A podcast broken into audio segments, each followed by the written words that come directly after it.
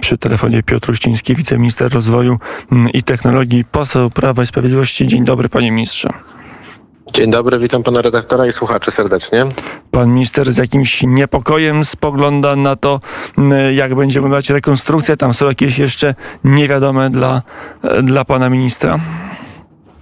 No oczywiście, że dopóki nie będzie rekonstrukcji, to cały czas jest, e, żyjemy w pewnej niepewności. I dziennikarze, i politycy. E, myślę, że dla Polaków nie jest to już jakaś taka bardzo emocjonująca sprawa. Mm, No właśnie, niektórzy się emocjonują, bo w, w, są aspekty, w których ta zmiana jest dość wyraźna. Mm, Między innymi pan poseł powinien się w pewnym sensie cieszyć, bo ministrem rolnictwa ma zostać osoba, która głosowała przeciwko piątce dla zwierząt, projektowi, który także panu do gustu nie przypadł. E, Faktycznie głosowałem przeciwko temu projektowi. E, No, uważałem, że, uważałem, że nie, jest, nie jest on potrzebny E, i, i myślę, że tutaj, jeśli tak się zdarzy, że faktycznie ministrem teraz zostanie kolega, który tak jak ja głosował, to myślę, że rolnicy to odbiorą bardzo pozytywnie. Ale to jest jakiś zwrot w kierunku wsi, jakieś przeproszenie się z rolnikami po piątce dla zwierząt? Nie, to nie jest jakieś przeproszenie. My nie, nie mamy żadnego, żadnej zwady z rolnikami. Prawo i Sprawiedliwość. e, No ale to wyraźnie, chociaż na- to mówi nawet profesor Paruch, politolog blisko e, współpracujący z Prawem i Sprawiedliwością, mówi zjazd sondażowy czy dołek sondażowy Prawa i Sprawiedliwości rozpoczął się nie od strajku kobiet, nie od kwestii aborcji, rozpoczął się od piątki dla, dla zwierząt i to wyraźnie e, widać w badaniach. Pewnie tak było. Ja tutaj nie, nie znam tych analiz, ale e, profesor Paruch na pewno ma, e, ma tutaj dobrą wiedzę i umysł analityczny i potrafi takie rzeczy dobrze zdiagnozować. E, W moim przekonaniu ta, ta konwencja, która była tydzień czy dwa tygodnie temu, poświęcona rolnikom, poświęcona sprawom wsi, to jest też takie nowe otwarcie na sprawę wsi. Ja cieszę się, że też z mojej działki, czyli z zakresu prawa budowlanego, tam e, zapowiedzieliśmy e, pewne uproszczenia. My uproszczenia prawa budowlanego e, wiele, nad wieloma pracujemy, ale również właśnie dla wsi, dla rolników one się pojawią i myślę, że rolnicy tego bardzo oczekują. Mm, e, To jest nie tylko jedna propozycja w programie dla e, polskiego rolnictwa. Mm, Tu jest zmiana. Ja tak się skupiam na niej, bo ja się tym zajmuję teraz w rządzie, budow- budownictwem, planowaniem przestrzennym. Mm, A interesuje się pan, kto będzie nowym szefem ministra roz, Ministerstwa Rozwoju, gdzie pan jest sekretarzem stanu? To oczywiście, że interesuję się i czekam e, z niecierpliwością na to, na tą nominację, ale no nie będę teraz uprzedzał faktów. E, Poczekajmy jeszcze. Ale pan minister już wie, kto będzie nowym ministrem rozwoju, czyli mówiąc językiem bardziej pospolitym, ministrem gospodarki, bardzo ważnym ministrem w rządzie Mateusza Morawieckiego. E, Myślę, panie redaktorze, że mamy podobną wiedzę w tym zakresie, czyli mamy jakąś, jakieś przypuszczenia, ale stuprocentowej pewności nie ma, no bo przecież to jeszcze nie jest podjęta decyzja. Decyzję się podejmuje w chwili podejmowania ostatecznie. Piotr Więc- Nowak. Jeśli będzie, jeśli Piotr Nowak zostanie ministrem, myślę, że e, ja liczę na dobrą współpracę. Piotr Nowak, osoba no, politycznie niepowiązana. Nie jest to polityk, nie jest to poseł. To jest osoba, która do rządu na stanowisko kierownicze została powołana przez pana ministra Mateusza Szczurka, przez panią premier Ewę Kopacz.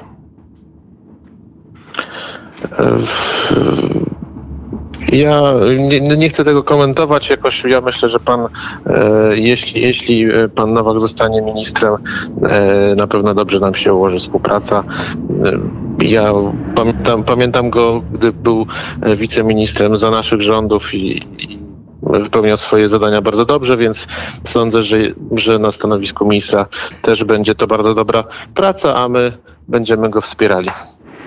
Mm, Jeśli on będzie, tak jak mówię, bo tutaj nie mamy stuprocentowej jeszcze pewności i chciałbym, chciałbym, żebyśmy tutaj nie zdradzali, czy to na 100% będzie tak, czy inaczej, bo to naprawdę nie jest moja decyzja ani pana, pana redaktora, tylko to jest decyzja pana prezydenta e, i pana premiera. No i zobaczymy, jak to będzie mm, poukładane. Mm, Piotr mm, Nowak, e, aż to osoba, która zarządzała polskim długiem w Ministerstwie Finansów robiła to z dużymi sukcesami. No, cieszę się, że pan redaktor tak to komentuje. Myślę, że myślę, że taki komentarz jest jak najbardziej uprawniony. Mm, I jeszcze jedna, jeden komentarz pana posła, pana ministra mm, do informacji o rekonstrukcji rządu. Z rządu ma odejść nie teraz, mm, po nowym roku Jarosław Kaczyński. Jak pan myśli, co będzie zwieńczeniem tego etapu rządowego działalności prezesa Prawa i Sprawiedliwości?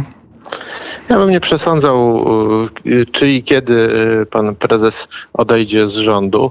E, faktycznie jakiś czas temu y, no, przedstawił taką informację, że, że planuje, natomiast w tej chwili mamy bardzo no, inną niż, nie wiem, jeszcze parę miesięcy temu sytuację międzynarodową, której się nie spodziewaliśmy do końca, czyli ta sytuacja na białoruskiej e, granicy Polski, e, stan wyjątkowy, budowa tego muru. To jest wszystko, co e, te, te, te, te problemy czy zagadnienia, które teraz się pojawiły, zagadnienia bezpieczeństwa, są na tyle ważne, że myślę, że nie ma, nie jest w tej chwili na pewno czas na odchodzenie pana premiera Jarosława Kaczyńskiego z rządu, bo on, jego wiedza, umiejętności polityczne są teraz bardzo nam potrzebne żeby e, nad tym kryzysem e, panować. Mm, Stefanie Piotruszczyński, wiceminister rozwoju odpowiedzialny m.in. za program Mieszkanie Plus, program, który parę lat temu był programem sztandarowym na ustach wszystkich. E, politycznie duże nadzieje z nim związano, a teraz nikt o nim nie pamięta. Zakurzony, zapomniany leży gdzieś w archiwach rządowych. Co słychać w programie Mieszkanie Plus, programie, który miał zmienić Polskę? E, no tutaj mamy taką sytuację, jaką mamy. Tutaj premier, e, czy premier, czy Jarosław Kaczyński już jakby podsumowywali tą, e, tą sprawę. Myślę, że warto wspomnieć też Narodowy Program Mieszkaniowy z 2016 roku, który został, był oficjalnym dokumentem rządowym. On przewidywał budow rozwój budownictwa społecznego, komunalnego i to się dzieje. Te założenia, które nakreśliliśmy sobie na początku naszych rządów dotyczące właśnie Narodowego Programu Mieszkaniowego, są realizowane. Mm, Czyli tam były takie wskaźniki do osiągnięcia, był wskaźnik na przykład ilości, ilości mieszkań na tysiąc mieszkańców. Yy, tam był założony, yy, że osiągniemy wskaźnik w 2030 roku, że osiągniemy 435 bodajże mieszkań na tysiąc mieszkańców. I my po kilku latach realizacji no, zbliżamy się, zbliżamy się już do 400. A jaka jest średnia w Europie? Średnia w Europie jest oczywiście wyższa, natomiast prawie 500 uwagę, mieszkań na 1000 mieszkańców. ale my, my, startowaliśmy z pułapu 360 y, kilka mieszkań w 2015 A czy pan roku, minister chce mi powiedzieć, że 400, program Mieszkanie Plus zakończył do... się sukcesem? To pan minister chciał mi powiedzieć? E, program e, Mieszkanie Plus, e, jeśli na niego patrzymy w kontekście budowy mieszkań na wynajem,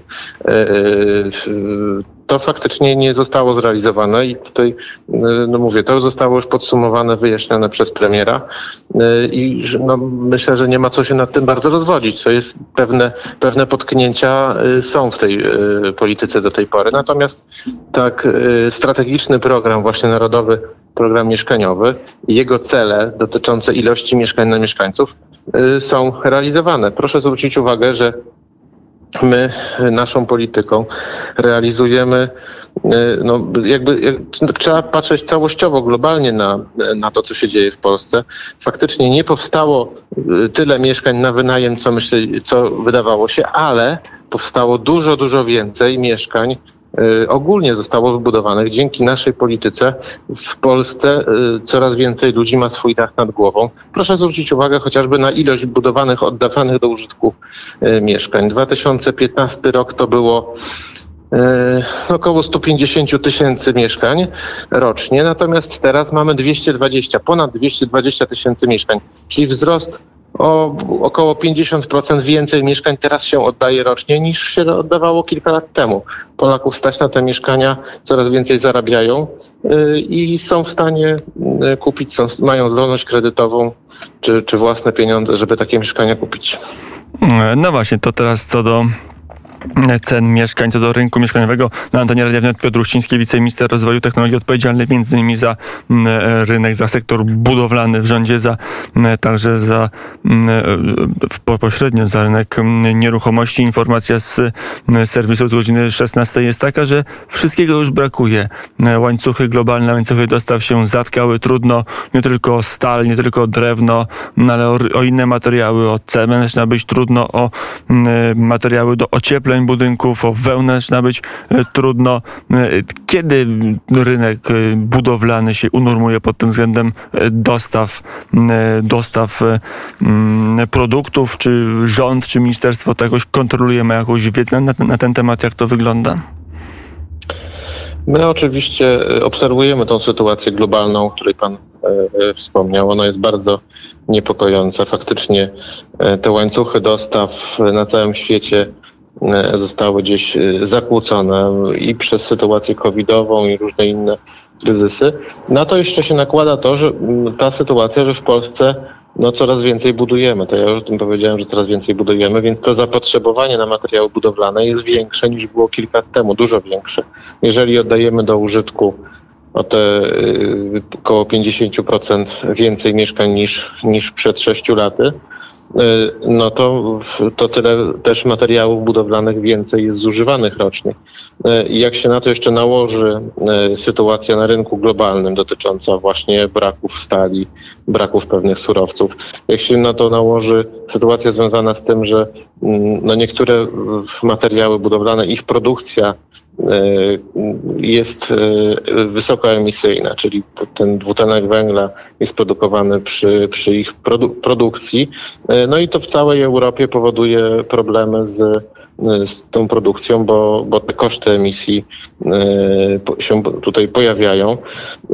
Dodatkowo no niektóre materiały budowlane, nie wiem, na przykład gips to jest pochodna E, taki produkt uboczny spalania e, węgla jednak i tutaj jeżeli tego węgla będziemy ograniczali jego spalanie w Europie czy na świecie, no to będzie, będzie być może brakowało gipsu. Są, jest wiele tego typu wyzwań e, i tutaj no, Polska, Polska jest jednym z krajów, które się z tym mierzy. Oczywiście my to obserwujemy, szukamy rozwiązań, ale no nie jest to proste, bo rynek jest y, z jednej strony globalny, z drugiej strony mamy, y, jesteśmy członkiem Unii Europejskiej, a więc gospodarczo jesteśmy y, bardzo powiązani. Nie możemy nie wiem, stosować jakichś ograniczeń w eksporcie wewnątrz Unii i tak dalej. Więc to są, to są naprawdę duże wyzwania przed nami.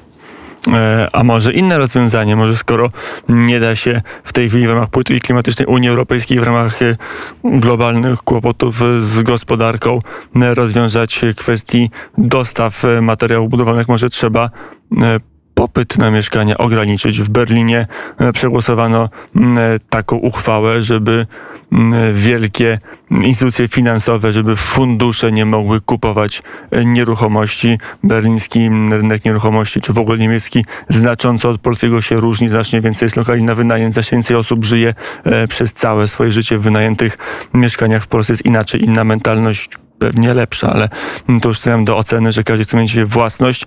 Może tu jest sposób, żeby rząd jakoś wszedł na rynek i powiedział, mieszkania są dla rodzin, a nie, a nie na e, lokatę kapitału wielkich funduszy, czy na wynajem krótkoterminowy. E, oczywiście zgadzam się z Panem, że nie możemy dopuścić do takiej sytuacji, jaka była w Berlinie i w polskich miastach. E, nie chcemy, żeby w przyszłości były takie problemy, żeby poszczególne społeczności musiały na przykład brać udział w takich referendach jak w Berlinie. Bo referendum w Berlinie, przypomnijmy, dotyczyło E, tam było zadane pytanie, czy Berlińczycy są za tym, żeby wywłaszczyć tak te fundusze, żeby... które są właścicielami mieszkań. No to jest taka y, sytuacja, której no, strasznie ciężko sobie wyobrazić. W ogóle myślę, że władze y, Berlina do tej pory nie wiedzą, jak to zrobić, jak zrealizować to. Jest to, pytanie, na ile uchwała jest wiążąca, bo to są poważne wątpliwości, na ile ona może być przekuta w prawo, na ile jest tylko wyrazem woli No tak, ale samorządu. my nie chcemy czegoś takiego w przyszłości, już może się nie skupiamy na Berlinie, nie chcemy na pewno czegoś takiego w przyszłości w Polsce. E, I my obserwujemy to, co się dzieje. Na razie w Polsce nie mamy problemu z tym, że zagraniczne fundusze, czy w ogóle fundusze inwestycyjne byłyby jakąś wielką ilością mieszkań no, właścicielem tej wielkiej ilości mieszkań. Oczywiście są takie sytuacje, kiedy mm, pojawiają się w prasie też doniesienia, tylko proszę zwrócić uwagę, one, one te doniesienia dotyczą różnych inwestycji realizowanych czy planowanych do realizacji w kolejnych latach. I faktycznie te inwestycje się pojawiają, ale nie, nie jest ich jeszcze dużo. Natomiast my, na, my to widzimy, obserwujemy yy, i faktycznie pracujemy nad tym, co zrobić, żeby żeby e, zniechęcić fundusze do zakupu e, dużych ilości mieszkań. Oczywiście mm, ograniczenia typu zakaz kupowania mieszkań przez fundusze to nie jest najlepsze rozwiązanie, natomiast na pewno można pracować i pracujemy nad tym, żeby, żeby ograniczyć tą ilość, czyli żeby powiedzmy no, zmniejszyć, zmniejszyć rentowność takich E, inwestycji, żeby po prostu e, tych mieszkań w tej chwili na polskim rynku nie kupowali. Oni, proszę zwrócić uwagę, jeszcze nie ma w tym problemu, natomiast my już chcemy dmuchać na zimne, żeby, żeby to polskie rodziny mogły kupować e, te mieszkania, a nie ktoś inny. Polacy zasadniczo widzimy, że ale to, żeby nie dopuścić do sytuacji w własnych mieszkaniach niż wynajmować. Niż ale żeby nie doszło do sytuacji z Berlina czy z innych europejskich miast, to będzie taka decyzja rządu, że, że ograniczymy możliwość e, udziału na rynku nieruchomości funduszom czy, czy innym instytucjom finansowym, a zostawimy ten rynek tylko dla osób fizycznych w większości? Takiej decyzji o ograniczeniu, czyli o zakazie, e, przy, przynajmniej na razie nie planujemy. Aczkolwiek mówię, pracujemy nad rozwiązaniami i pojawiają się różne e, propozycje, ale one chyba, chyba raczej bardziej oscylują wokół opodatkowania takich, e, takich sytuacji niż, czyli zmniejszenia rentowności tych inwestycji, tak żeby, żeby po prostu mm, no, zniechęcić do tego typu zakupów. Oczywiście nie mamy póki co problemu w Polsce z jakąś kumulacją, e, tak jak w Berlinie właśnie, że jeden fundusz był właścicielem, czy jest nadal właścicielem stu kilkunastu tysięcy mieszkań na przykład, to w Polsce czegoś takiego nie ma i, i długo, długo nie będzie, bo nie ma takiej no, e, formalnej możliwości. Nie ma możliwości, żeby jakiś fundusz teraz skupił duże ilości mieszkań. W Berlinie było inaczej, bo oni po prostu sprzedawali. Berlin wyprzedawał istniejące mieszkania. Tutaj w Polsce, e, w Polsce e, nie ma, takiej, nie, ma tak, nie ma takich transakcji, żeby ktoś kupował duże ilości e, mieszkań w tej chwili wybudowanych już. Są takie kontrakty, że ktoś kontraktuje budowę po prostu, mm, budowę na przykład osiedla mieszkaniowego na wynajem, ale to, no to w czymś takim nie ma zasadniczo nic złego. Jeśli ktoś chce budować mieszkania w Polsce, finansować budowę mieszkań, to niech to robi, bo, bo nam tych mieszkań jest jak, naj, jak najwięcej potrzeba. Potrzebujemy tej podaży. E, natomiast e, Tutaj rozwiązania podatkowe, e, jest kilka takich na stole propozycji i mam nadzieję, że bierzemy takie, które spowodują, że faktycznie to inwestycyjne kupowanie mieszkania, szczególnie to inwestycyjne kupowanie mieszkań, kiedy ktoś inwestuje pieniądze w mieszkania i nawet nie chce ich wynajmować, tylko one stoją jako pustostany, tak? Stoją, czekają na wzrost wartości. No to jest szczególnie dramatyczna sytuacja, no bo no nie po to budujemy, nie po to w ogóle te materiały, jak jest deficyt materiałów budowlanych, to nie możemy dopuszczać do sytuacji, żeby ktoś te materiały wykorzystywał do budowy mieszkań, a one by miały potem stać puste bez wynajęcia. Takie, takie sytuacje musimy eliminować. Mm, e, jak rozumiem, e, będzie to eliminowane nową ustawą? To jest e, ten rząd aktów prawnych? E, no, jeśli takie rozwiązania przygotujemy, no to one na pewno będą musiały przejść ścieżkę legislacyjną oczywiście. Mm, jeszcze na koniec pytanie o sam program Mieszkanie Plus. On jeszcze wróci, on będzie miał jakąś swoją nową odsłonę. Mm, program już może nie budowy mieszkań na, mieszkań na mm, wynajem, ale e, no, budowy mieszkań na własność przy jakimś rodzaju wsparcia e, instytucji rządowych, instytucji państwowych. No to proszę zwrócić uwagę, bo, państwo e, czy opozycja, czy to dziennikarze, społeczeństwo, patrzycie często właśnie na program Mieszkanie Plus, że nie został zrealizowany, bo nie zostało wybudowanych ileś tam mieszkań e, na wynajem przez e, PFR na przykład, ale z drugiej strony proszę spojrzeć na to, że Polacy właśnie zdecydowanie bardziej chcą kupować własne mieszkania i przez ostatnich, przez ostatnich kilka lat zostało budowanych kilkaset tysięcy mieszkań, kilkaset tysięcy mieszkań zostało wybudowanych i Polacy są ich właścicielami.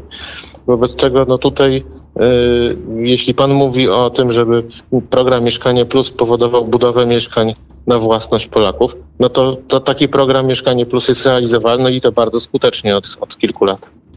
E, powiedział Piotr Uściński, wiceminister rozwoju, który ma jechać do Senatu. Skoro przy e, Senacie jesteśmy, to, e, to jeszcze jedno pytanie, bo przed sekundą doszła informacja, że doszła, doszła informacja, że wicemarszałek Borusewicz wystawiłby, napisał pismo do prokuratury, w którym stwierdza, że w ramach braków formalnych Senat pozostaje bez biegu wniosek o uchylenie immunitetu marszałkowi Grockiemu.